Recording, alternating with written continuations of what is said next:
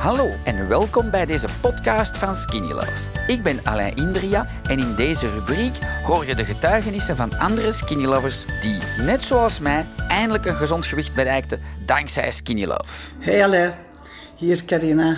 Um, ik had u beloofd van eens een video te maken van de AX1 en te vertellen waarom ik uh, zoveel pijn had.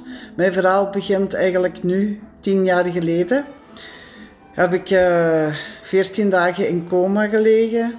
En door allerlei complicaties die ik eigenlijk iedereen wil besparen. Maar uh, als, ja, heb, heb ik door een auto-immune ziekte hebben ze heel veel cortisone vier jaar lang aan me ingestopt.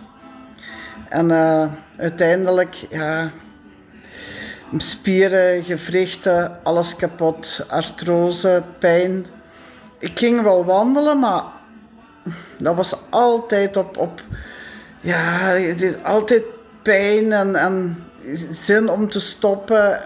Ja. Maar medicatie mag ik niet nemen door, door mijn auto-immune leverziekte.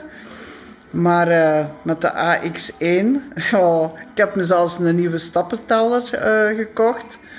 Uh, heb ik mezelf cadeau gedaan om, ja, het is fantastisch. Ik zeg altijd, Allah heeft mij gefixt, maar dat is ook zo. en ik blijf je eeuwig dankbaar. En ik zeg het, al die producten werken. Zowel de Sleep Dust, de Skinny Love, um, top. Meer kan ik niet zeggen. Top, top, top, top, top. En duizendmaal dank. Dankzij dit verhaal heb je ongetwijfeld zelf ook de motivatie gevonden om van start te gaan.